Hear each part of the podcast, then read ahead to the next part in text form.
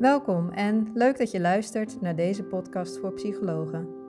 Mijn naam is Karin van Maurik, GZ-psycholoog voor psychologen. In mijn onderneming denk en werk ik out of the box en in deze podcast neem ik je dan ook mee buiten de reguliere kaders. We duiken in onderwerpen die jou als psycholoog en als mens bezighouden. Laat je inspireren om los te laten hoe het hoort en maak het verschil. Veel plezier met luisteren.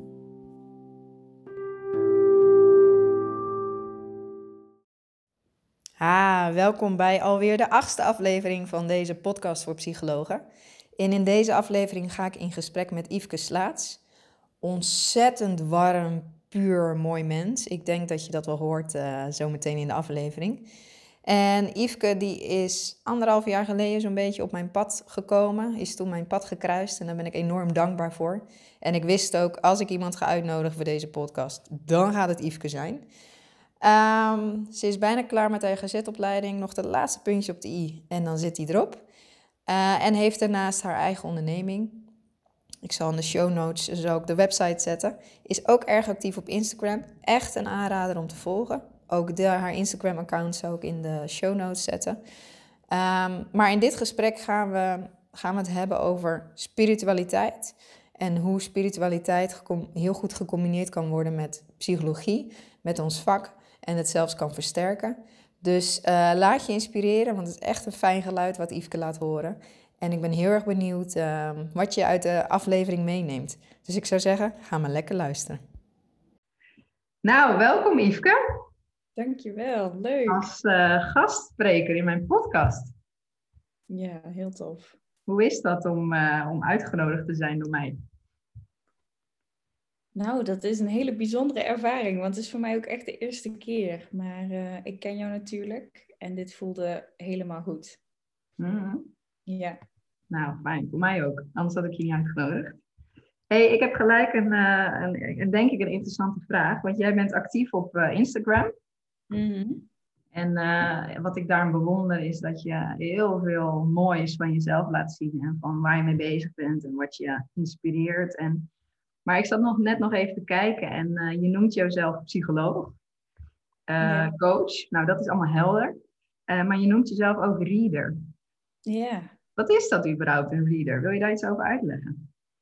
Ja, nou, allereerst is het natuurlijk ook maar weer een termpje. Hè? Dus het is ook maar, net als psycholoog en coach, een, een, een hokje waar mensen je aan kunnen herkennen.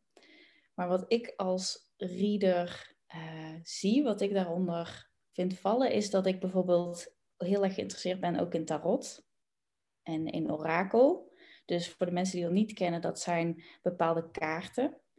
En uh, ik vind dat een hele mooie tool om mezelf, maar dus ook anderen, om dat in te zetten als je even geen woorden kunt vinden. Dus mm. soms is er een, een innerlijk proces gaande en daar kun je heel erg hè, op, op ratio-niveau, op je mind over nadenken, maar daarmee kom je niet verder. En dan um, vind ik die kaarten, die dus ook visueel echt super mooi zijn, die geven dan soms net zo dat bruggetje om van je mind ook naar woorden toe te komen en ook tot inzichten te komen. Mm. Um, en het readerstuk daarin is dan veel meer dat ik uh, of ik nou met iemand ben of met mezelf, daar kan ik dus altijd heel veel woorden en inzichten en um, aanknopingspunten aan geven. Mm-hmm. Maar voor mij is het readerstuk ook nog iets breder, maar dat is iets waar ik pas net in begonnen ben. Want dat zit bijvoorbeeld ook in het stuk van human design, wat ik ook mega interessant vind. Mm-hmm. Um, en dan heb je het ook over bepaalde lezingen geven. Ja, en dat noemen we dan in het Engels readingen. Ja, precies. Ja. Hey, en waarom, waarom past dat bij jou? Dat reader zijn? Ja, omdat dat wel een van mijn kwaliteiten is, denk ik. En dat klinkt uh, nog steeds gek om te zeggen, maar ik heb wel bepaalde teacher-kwaliteiten in mij. Hmm. En dat gaat ook heel erg natuurlijk me af. En, en ik, zo... kan me, ik ja? kan me voorstellen dat dat een. Um zou ik het zeggen? Wist je dat altijd al? Of is dat iets, een ontdekkingstocht van de laatste tijd? Of hoe is dat gegaan? Nee, dat wist ik echt absoluut nog niet. Ehm, dat is echt met terugwerkende kracht dat ik ben gaan zien dat het eigenlijk al, nou zeg al, tien jaar aanwezig is. Want ik kan nu ook met terugwerkende kracht zien dat toen ik bijvoorbeeld mijn allereerste HBO-studie deed, toen was ik zo'n, ehm, ik weet de naam er al niet meer voor, maar ik mocht nieuwe studenten mocht ik een, een les geven in een van de vakken die ik dan al had gehad. En achteraf zie ik dat ik daar dus ook als een vis in het water was. Ik vond het heerlijk om dat te doen. En dan gaan we bijvoorbeeld weer vijf jaar verder vooruit. En dan was ik uh, een sportdocent en dan gaf ik danslessen. Ja. En dat vond ik ook heerlijk. Niet per se dus omdat je dan de verhouding hebt van docent en student, maar wel dus om mensen uh, kennis te laten maken met iets wat ik al kende. Nou ja, en zo gaat het eigenlijk maar door. Dus dat is leuk om zo'n rode draad dan uh, te gaan ontdekken. Ja, precies. Precies. En um, ja, meestal leg je de puzzel altijd achteraf, hè? tenminste dat is mijn ervaring. Ja. Ja. En hoe past, het, eh, hoe past daarin dan dat jij nu uh, psycholoog bent en je bent bijna klaar met je GZ-opleiding?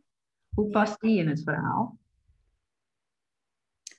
Voor mij past die op het gebied van um, het ook betrekken juist van mijn eigen ervaringen. Mm -hmm. En ook de reis die ik zelf heb meegemaakt en nog steeds meemaak in het leven, um, om dat ook mee te nemen in mijn gesprekken.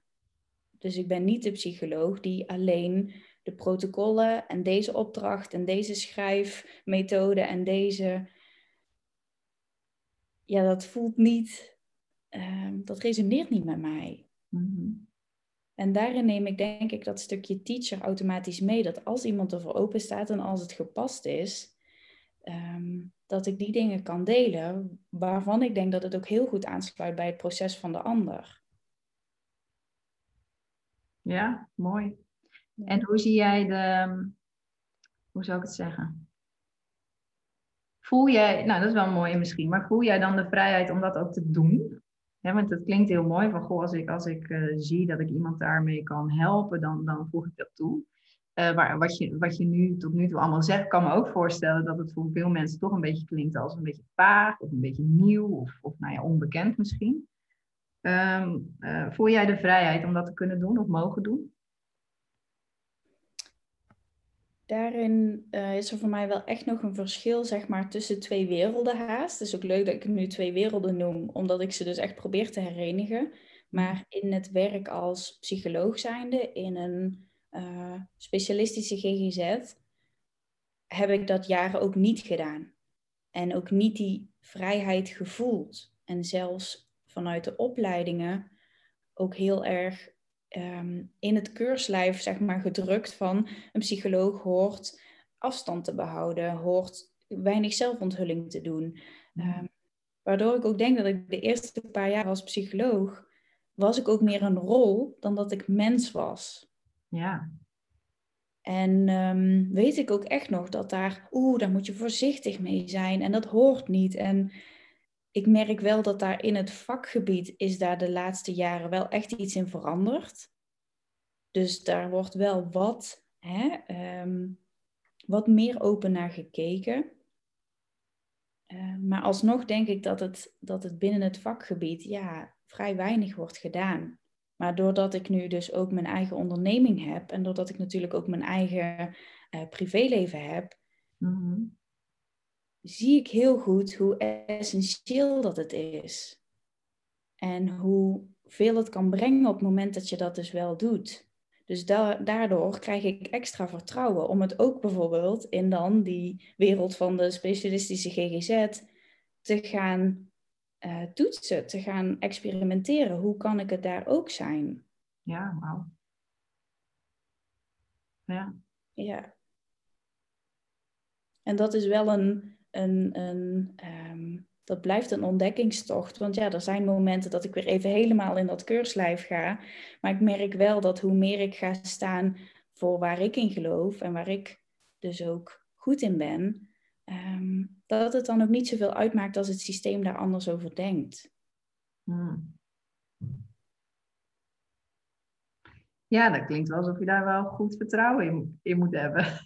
het klinkt heel mooi hoe je het zegt, maar ik denk ook, wauw, dat is best wel een, eh, een challenge, toch? Ja, absoluut. Maar dit is dus ook niet iets van zomaar. Hè? Dan heb ik het echt al over vijf jaar of zo.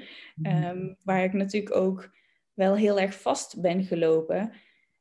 En dat soort dingen, als het echt goed gaat schuren en gaat wrijven, dan dat triggert dat je iets gaat veranderen. Dat, dat lokt een, een bepaalde verandering, beweging uit. Dus als ik dat niet was tegengekomen, dan had ik dit waarschijnlijk nu niet zo gezegd. Ja, precies. Hey, en ehm, je zegt vastlopen en het schuurt en het wrijft. Wat, wat merk jij aan jezelf als dat het geval is?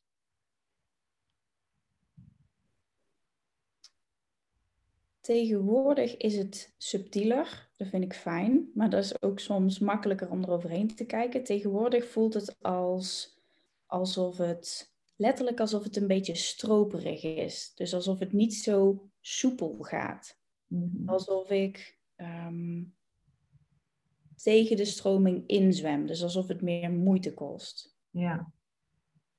Echt zo'n, het is meer ook zo'n lichamelijk gevoel van het is niet helemaal lekker. Zo voelt het tegenwoordig. Ja. Maar dat heeft dus eh, heftiger gevoeld.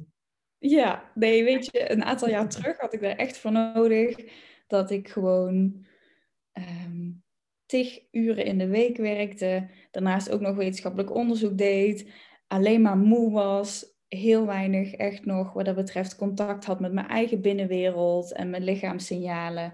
En uiteindelijk alsnog niet doorhad dat dat dus eigenlijk zo'n stroeve periode was. Maar pas toen het echt niet meer anders kon, toen had ik pas in de gaten, oh wacht, ik ben eigenlijk iets aan het doen wat volgens mij helemaal tegen mijn natuur ingaat. Ja, ja. Nou ja, ik heb het vaker over met de psychologen die ik spreek. eh, dat ons vak ook wel echt kan voelen als, als, als ploeteren, zou ik maar zeggen. Als hard werken, als veel geven. Eigenlijk voornamelijk geven. Ehm, en, en, en minder ontvangen of kunnen ontvangen. Ik denk dat dat ook wel een, eh, een, eh, hoe zeg je dat, een nuance is. Kun je ook ontvangen. Eh, maar ik hoor jou eigenlijk zeggen van, goh, maar het hoeft allemaal niet zo... Het hoeft allemaal niet zo moeizaam te gaan. En als het moeizaam gaat, is dat misschien wel een signaal dat er iets niet helemaal lekker zit. Juist, ja. Ja. En als je zo'n signaal krijgt, nou misschien in jouw geval, wat, wat, wat heb je, hoe heb je dat aangepakt? Wat heb je daarmee gedaan? Mm, Het is voor mij altijd een uitnodiging om weer even stil te staan. Dus om ook echt letterlijk, want hè, je, je zegt het inderdaad, het ploeteren, je kunt alsmaar bezig zijn. En juist in het doen, doen, doen, is het ook heel makkelijk om dus geen contact meer te hebben met jezelf of met je binnenwereld of wat dan ook. Dus dan weer echt het stilvallen, ook de stilte opzoeken, misschien zelfs helemaal alleen, om dan weer te gaan, ehm, weer even zeg maar die innerlijke thermometer van hoe staat het er eigenlijk voor? En voor mij krijg ik dan ook wel heel eh, duidelijk inzicht van oké, op welk gebied ben ik nu ja, in de overdrive gegaan? Of waar heb ik juist geen aandacht aan besteed? Wat heb ik genegeerd? En op het moment dat ik daar dus aandacht aan ga besteden, of dat juist wat ga inperken, hè, die overdrive, dan gaat het ook weer meer stromen. Mhm. Maar ja, dat lukt niet altijd alleen. Dus daar heb ik in het verleden ook vaak genoeg, ehm, op het moment dat ik er even zelf niet uitkwam, hulp voor gezocht. Juist dus die andere paar ogen en oren van kijk eens met me mee. Hoe zie jij het? Hoe hoor jij mij? Ja, mooi. En wat, wat brengt dat jou op zo'n moment, als iemand met je mee mag kijken? Ja, dat brengt superveel. Ehm, want het is alleen al, de eerste stap is eigenlijk al dus die, die hand uitsteken naar iemand van help mij. En dat is misschien al voor mij wel de moeilijkste stap. Juist als psycholoog en hoe je daarin ook opgeleid wordt om het zelf ook hulp te mogen vragen. Dus voor mij is dat uiteindelijk iemand een mailtje sturen of een berichtje van goh, ik loop vast. Dat is eigenlijk al waar mijn proces begint. Ja. En daarna ga je inderdaad veel meer het kwetsbare stuk in, want je gaat iemand ook delen. Je gaat iemand ook vragen van kijk eens met mij mee. Naar zowel mijn externe als mijn interne wereld. En dat is best wel spannend. Ja, En ook best wel ongemakkelijk soms. Mhm. Maar goed, ik voel daar wel zo sterk van dat het, ehm, dat zeg maar de, de stroperige situatie niet meer gaat, dat die iemand ook wel echt welkom is om mee te kijken. Ja. En die geeft dan vaak net een vraag of net een opmerking of ehm, een bepaald, juist een advies van, goh, weet je wat ik zelf heb meegemaakt, waardoor bij mij weer dingetjes op zijn plek vallen. Of ineens bordjes open gaan van, oh, heb je hier al aan gedacht? Aha. Ja, mooi. Hey, en ehm, dat stilstaan, hè, dat, dat dat zo belangrijk is, vertel je. Lukt, dat jou, lukt het jou door de dag heen om dat ook in te voegen? Ja, dat klinkt misschien heel erg, maar daar heb ik dus oprecht ook leerdoelen van moeten maken binnen de opleiding, zeg maar, binnen mijn, mijn werk als psycholoog. Mhm. Om daar dus de ruimte voor te voelen. Ja. Omdat het anders de realiteit van de praktijk is in de dagelijkse dag. Dat het van het ene gesprek in het andere gesprek, in het volgende gesprek, eh, waardoor dat er dus niet is. Ja, precies. Want ik stel deze vraag omdat ik heel veel hoor van psychologen. Dat er zo'n behoefte is om af en toe even hè, letterlijk op adem te komen. Uh, maar dat het eigenlijk ook het eerste is wat, wat qua prioriteit onderaan het lijstje eindigt. Hè? Zo van ja, dat, ik, die behoefte is er wel, maar ja, de praktijk is anders. Dus we, we, we denderen maar door met z'n allen. Ja. Um, en je hoort er ook niemand over. Ik, ik heb er nog nooit een collega of iemand over gehoord die, waarvan ik wist dat hij dat deed, of waarvan we met elkaar onderling bespraken dat dat misschien wel belangrijk is, een bepaalde zelfzorg. Ja. Ik bedoel, ik weet nog dat we dat vak in de GZ-opleiding één vak kregen wat daarover ging. Mm Waar we ook echt gevraagd werden, inderdaad, van check eens in bij jezelf na een sessie. En wat heb jij nodig? Nou, dat was echt een onbekende wereld. Wow, kan dat? Mag dat? En toch doet nagenoeg niemand dat op de werkvloer. Ja. Ja. Ja, bijzonder, want we vragen dat wel van onze cliënten. Hè? Van, goh, voel eens, wat heb je nodig op dit moment? Ja. Ja. ja. En toch kan het bij ons onderaan de prioriteitenlijst uh, komen. Ja, zeker. Ja. En, en, en je zegt, ik heb daar letterlijk uh, leerdoelen van gemaakt. Is het je gelukt? Is je, is je doel bereikt daarin?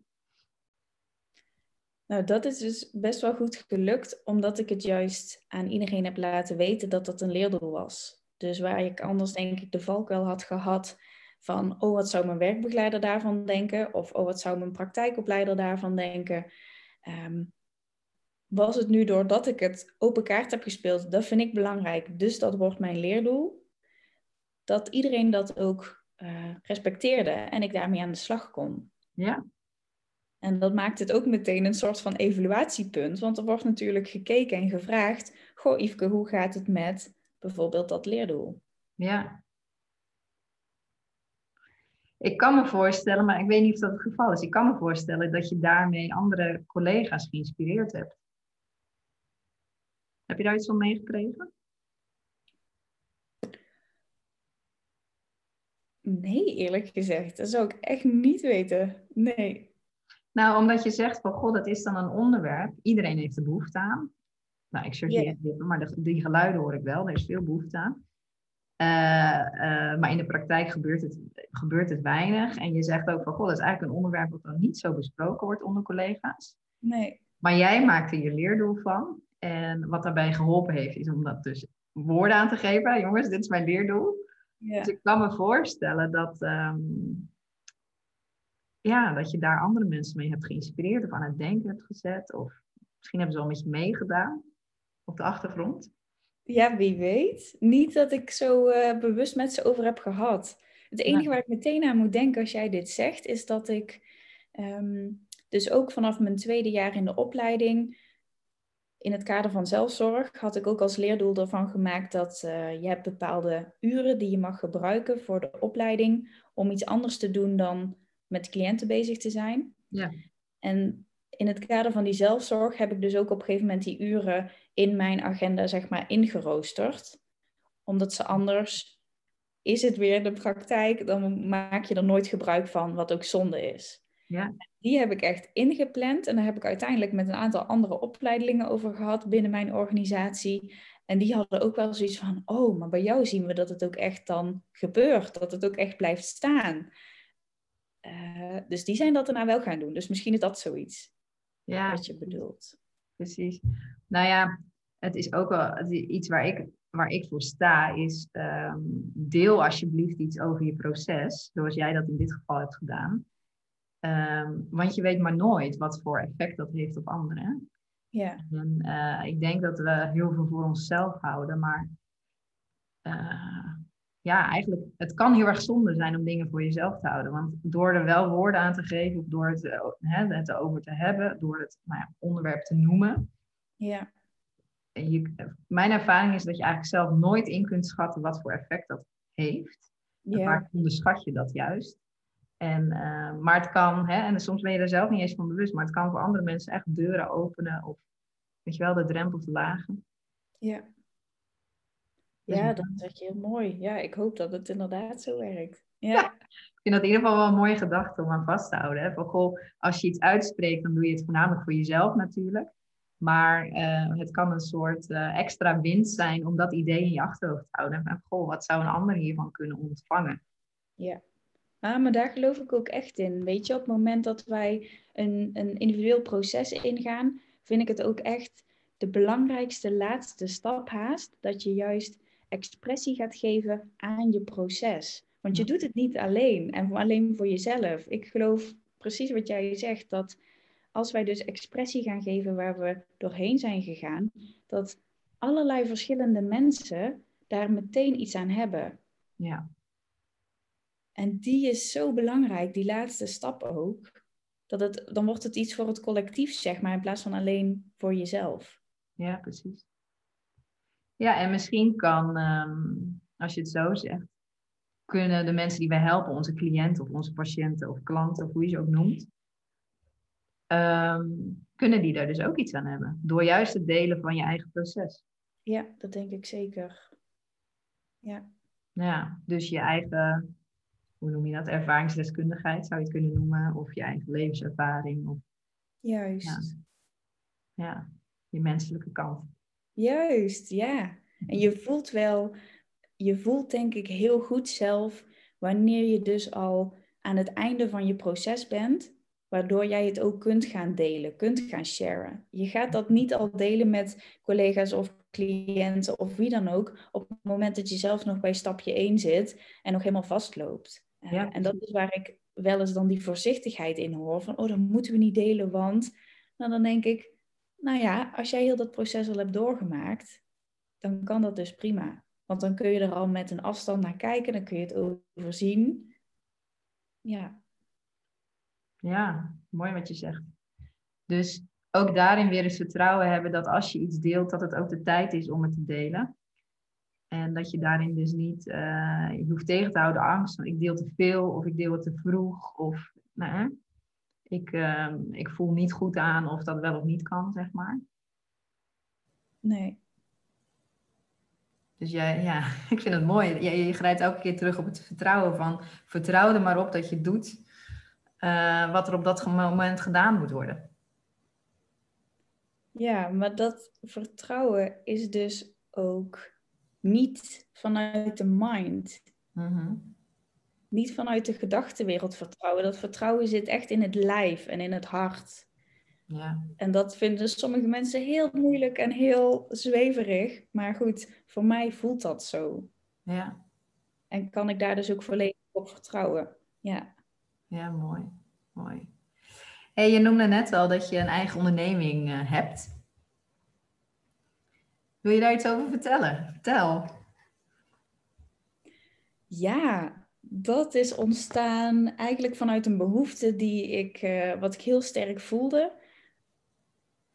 Aan een stuk van mezelf waar ik dus binnen mijn, binnen mijn werk, binnen de SGGZ, geen expressie aan kon geven.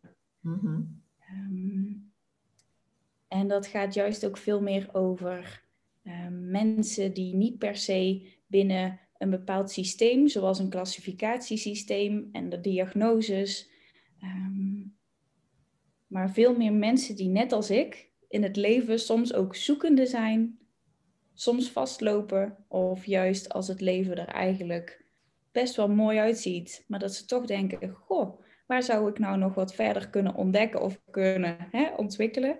Dat ik denk, die mensen wil ik graag helpen. Mhm. En dan juist ook kunnen spreken met elkaar uh, op een manier dat het niet vast ligt met protocollen, um, allerlei ervaringsgerichte oefeningen. Um, ja, gewoon eigenlijk alles wat ik zeg maar ook in huis heb, om daar uiting aan te kunnen geven, zonder dat er bepaalde restricties aan zitten. Ja. ja. En die, um, dat speelveld, wil ik het bijna noemen, dat vind je in je eigen bedrijf. Ja, 100%. Ja. En dat maakt het soms ook super spannend, want je hebt ineens geen kaders. Ja. Terwijl dan wil ik aan de ene kant heel graag weg van de kaders en aan de andere kant denk ik, oh, ik zwem. Maar dat is ook wel weer een heel leuk spel. Ja. Ja. hey, en ik weet dat jij bezig bent met uh, uh, de ontdekkingstocht, de reis naar. Ik ben hier niet voor niks op de wereld neergezet. Uh, met welke reden of wat staat mij hier te doen? Heb je daar, heb je daar al puzzelstukjes in gevonden? Ook met betrekking tot je bedrijf? Ja, ik denk dat dat dus eigenlijk al de letterlijke uitingsvorm is van wat er nu ontstaat. Dat staat mij hier te doen.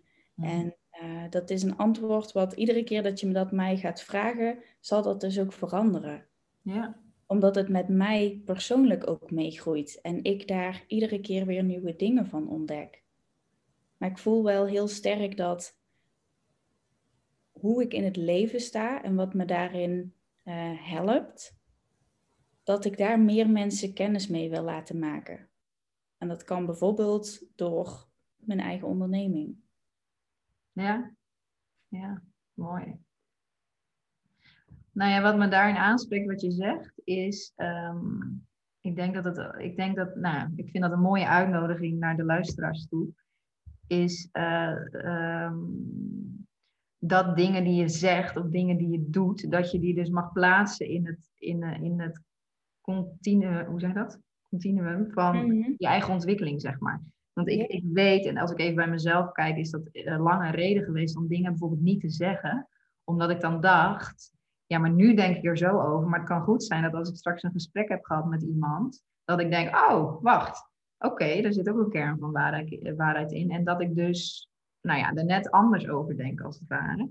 Ja. Dat heeft voor mij lange tijd uh, voor gezorgd dat ik dingen dus niet uitsprak. In de angst van, ja, lekker geloofwaardig. Als ik nu A zeg, maar over een maand zeg ik B.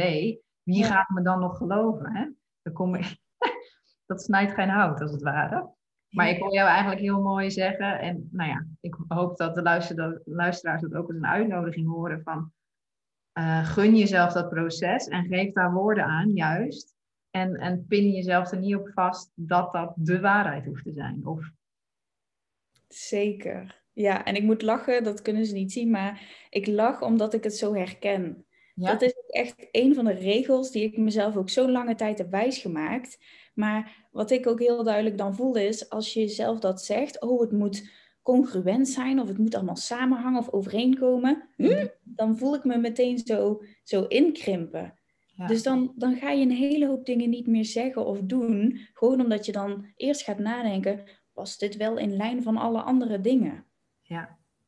Nou, dan gaat meteen voor mij alle plezier en alle, alle joy gaat daar zeg maar uit. Ja, precies.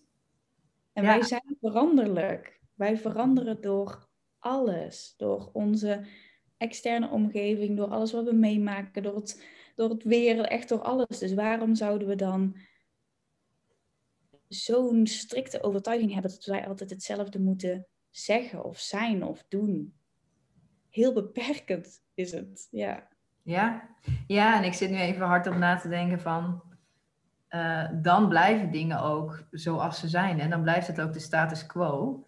En, en we voelen volgens mij met z'n allen aan dat er best wel wat mag veranderen, bijvoorbeeld binnen de gezondheidszorg of de geestelijke gezondheidszorg. Ja.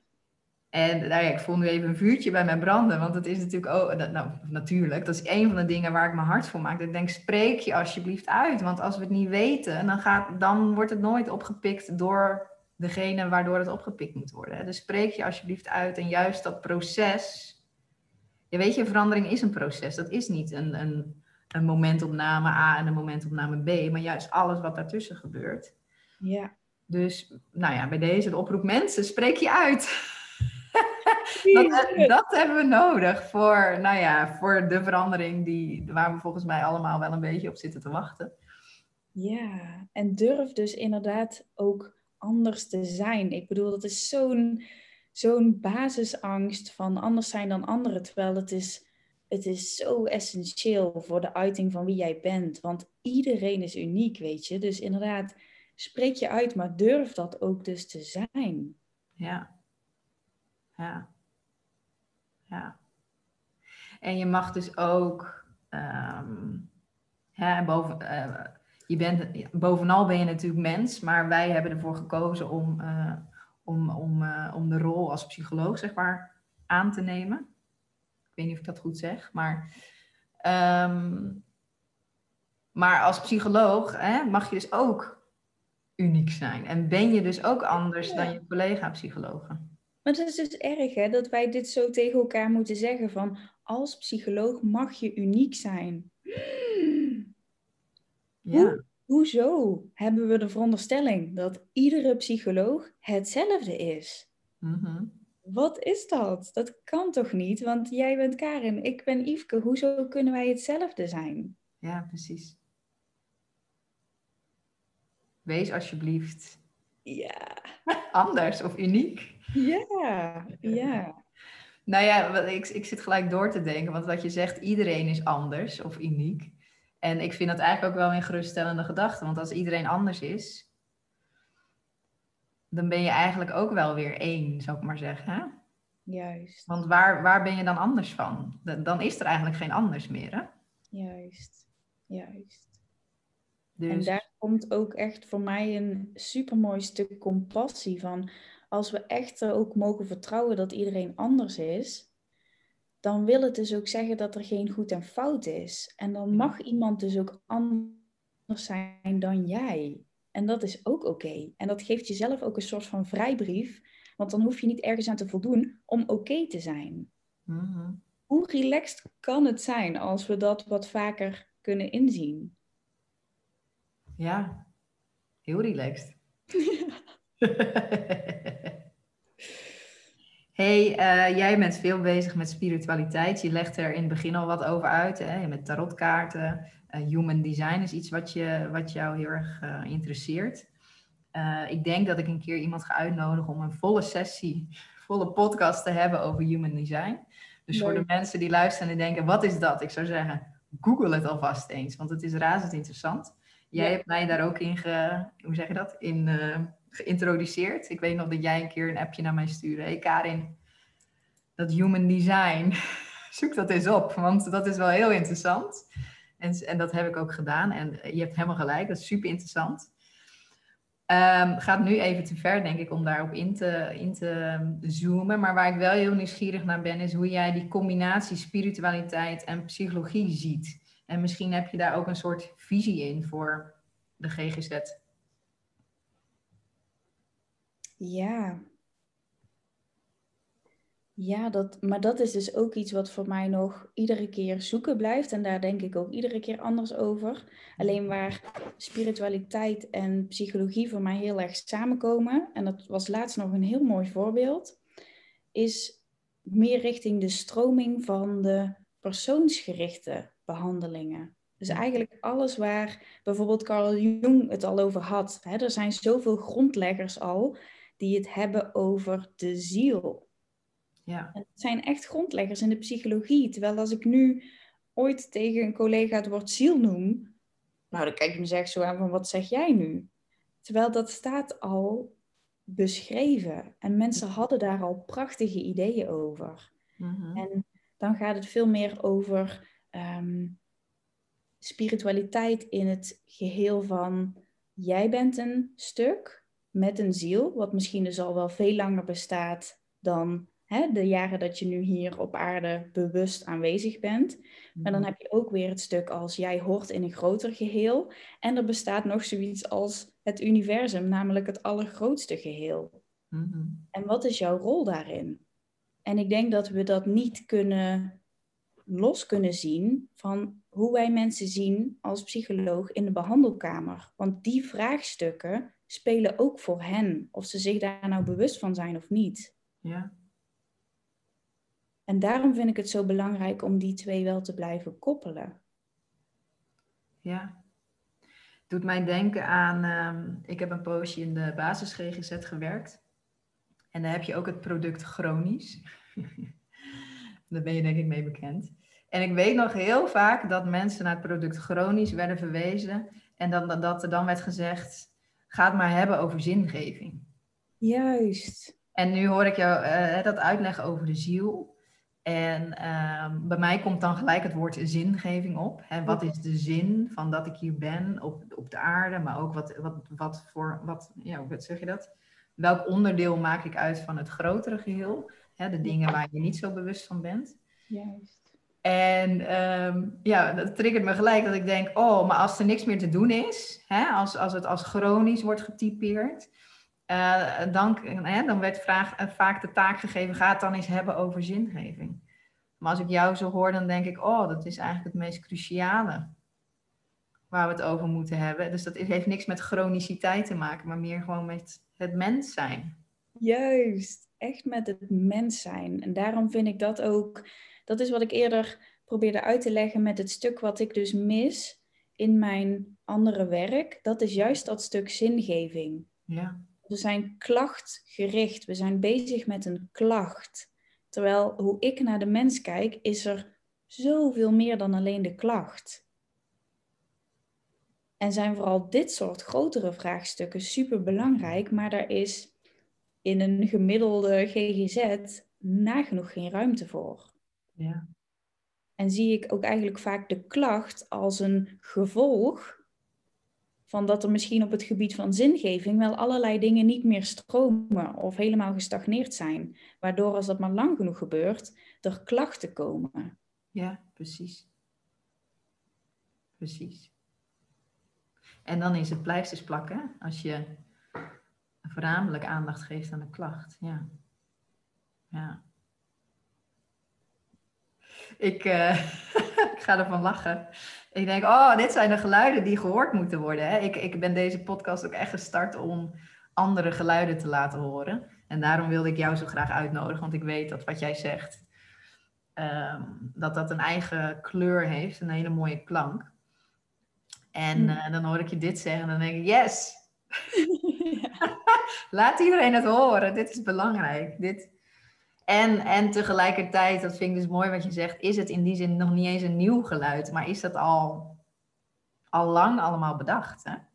Absoluut, absoluut. Ja, En eh, ik denk dat we uitgenodigd worden, zeker in deze tijd, om, om te horen, om het te horen. Wat is er allemaal gezegd? Wat is er allemaal bedacht? Wat is er al? En, ehm, en mogen wij het horen? Staan we daarvoor open? Precies ook weer het ervoor openstaan. Want het is namelijk ook niet dat ik de, de ambitie of de intentie heb om met iemand hierover in discussie te gaan. Want een discussie, hè, zoals we die tegenwoordig ook vaak voeren, is toch weer met het idee de ander te moeten veranderen. Ja. Ik vraag van niemand die bijvoorbeeld wel klachtgericht werkt, om te veranderen. Mhm. Als dat voor die persoon goed voelt, dan mag dat zo. En dan is dat oké. Maar net zo goed als dat ik denk, er is zoveel meer dan die klacht. En daar wil ik ook niet meer in veranderen. Want dat voelt voor mij helemaal oké. Ja.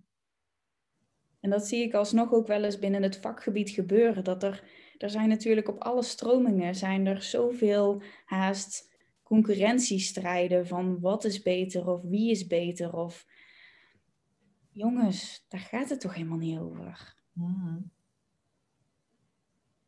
Ja, doe wat, ehm, doe wat bij jouw unieke zelf past, hè? als mens. En, en, en nou ja, je neemt jezelf mee in de rol als psycholoog. Ja. En maar dan... ook dus met die unieke mens die in jouw kamer zit. Ja. Mhm. ja. Ja, en ik moest net nog even denken aan... Ehm, eigenlijk is alles al bedacht en gezegd en het bestaat al. Ik moest even denken aan... Um, dat is eigenlijk een vraag ook aan jou ik kan me voorstellen dat dat ook hetgene is wat je bijvoorbeeld uit zo'n tarotkaart haalt. Want er staan, uh, staan heel veel, er worden heel veel wijsheden meegedeeld, als het ware. Ervaar jij dat zo? Is dat wat je daaruit haalt? Van goh, het bestaat al, alleen mogen we het horen? Of hoe zet je dat in? Mm. Ja, nu hebben we het dan puur over de kaart, maar de kaart kan vervangen worden door allerlei andere dingen. Hè? Wat dat betreft is het ook maar gewoon een middel. Het is, het is een object. Ja. Ehm, en in dat geval is het object visueel heel aantrekkelijk gemaakt met allerlei details, kleuren en andere dingen, waardoor ik dat veel meer een soort van ehm, letterlijk een deurtje er zijn, zitten allemaal deurtjes in, die je mhm. dan ineens toegang geven tot iets wat er misschien wel bij jou speelt. Maar dat kunnen we ook vervangen door uh, de natuur. Ja, ik moest eraan denken nu het Met mensen inderdaad in de natuur te zijn. Ja. Uh, het is ook weer een, een, een visual, het is een beeld, maar het is ook een, een gevoel. Hè? Er is ook wind, er zijn ook geuren. Ja. En al die dingen kunnen ons een, een deurtje geven tot een proces wat zich eigenlijk in ons leven afspeelt. Ja. Nu weet ik niet helemaal of ik nou antwoord geef op je vraag trouwens, maar... nou ja, en dat proces wat er in jou afspeelt. Ehm, ja, ik vraag me even af, we hadden het net over zingeving, maar dat proces wat in jou afspeelt, dat kan heel erg uh, van jou voelen en heel uniek voelen. Maar nu we het er zo over hebben, kan ik me ook heel erg voorstellen dat dat er ook, een soort, dat er ook bijna een soort universele processen bestaan. Ja, daar geloof ik heel sterk in. Ja, jij zit heel hard te knikken, dat, dat zien de luisteraars niet, maar ja. ja. ja. weet je, maar dat ook, zeg maar, zoiets als tijdsgeest heeft daar ook mee te maken. Er zijn natuurlijk thema's die niet alleen in jou afspelen of in jouw gezin, maar ook in jouw generatie. En ook überhaupt gewoon in de mensheid of in het land of in de wereld. Ja, ik geloof daar absoluut in. Ja, ja. Ik vind dat een heel geruststellende gedachte. Juist, want als je je eenzaam voelt en je weet dus die mensen te vinden, dan ontdek je dat je eigenlijk nooit alleen bent. Ja, precies. Precies. En dat doet me weer erg denken aan, als ik even naar mijn eigen doelgroep, hè, ik werk uh, met psychologen. Dat doet me dus heel erg denken aan um, dat psychologen die struggelen, die vastlopen, die het moeilijk hebben, die iets heftigs meemaken, um, uh, regelmatig tegen mij zeggen van, goh, ik, heb, ik, ik, voel me dan zo daar alleen in, alsof ik de enige ben die struggelt. En uh, als het, of het bij de anderen allemaal wel stroomt, hè, als we het over stroperigheid hebben en stromen. Ja. Maar weet dus dat, uh, ondanks dat er misschien geen woorden aan worden gegeven, maar dat, um, dat je dus niet de enige bent. Zeker. En dat het ook een, een nou ja, hè, wat, waar we het net over hadden, een soort universeel proces kan zijn, wat samenhangt met de tijdsgeest, met onze generatie, met de ontwikkeling van ons vak als psycholoog. Ja, dat denk ik echt. Mooi. Ja. Ik, um, ik wil eigenlijk eindigen met een mooie uitspraak die op jouw website staat. Oh, vertel. Er valt, even mijn, er valt mijn oog op, ik had hem opgeschreven. Maar op jouw website begin je met de uitspraak: omarm je schaduw en schijn je licht. Mooi. Ja. Wil je daar nog iets aan toevoegen of spreekt dat voor zich? Dat spreekt voor zich. Ja. ja. Omarm je schaduw en schijn je licht. Mooie, mooie boodschap om mee te geven. Hey Yveske, heel erg bedankt. Dankjewel, jij ook. Leuk. Voor jouw uh, inspirerende kijk op dingen en nou ja, hoe jij zo open meedenkt en vertelt over hoe jij het ziet. Um, nou ja, volgens mij hebben we verschillende uitnodigingen zo tussendoor gedaan aan, uh, aan de psychologen die dit, uh, die dit horen. Um, ik ga in de show notes ga ik jouw website um, benoemen. Want ik denk dat mensen heel, geïnteresseerd of heel erg nieuwsgierig zijn geworden. Ehm, voor de luisteraars, uh, Yveske is ook heel actief op Instagram. Dus als je haar in levende lijven wil zien en bewegen, kijk dan op Instagram. Uh, ik zal ook een linkje zetten in de, in de show notes. Maar voor nu uh, heel erg bedankt. Dankjewel. Mooie ervaring. Dankjewel hè.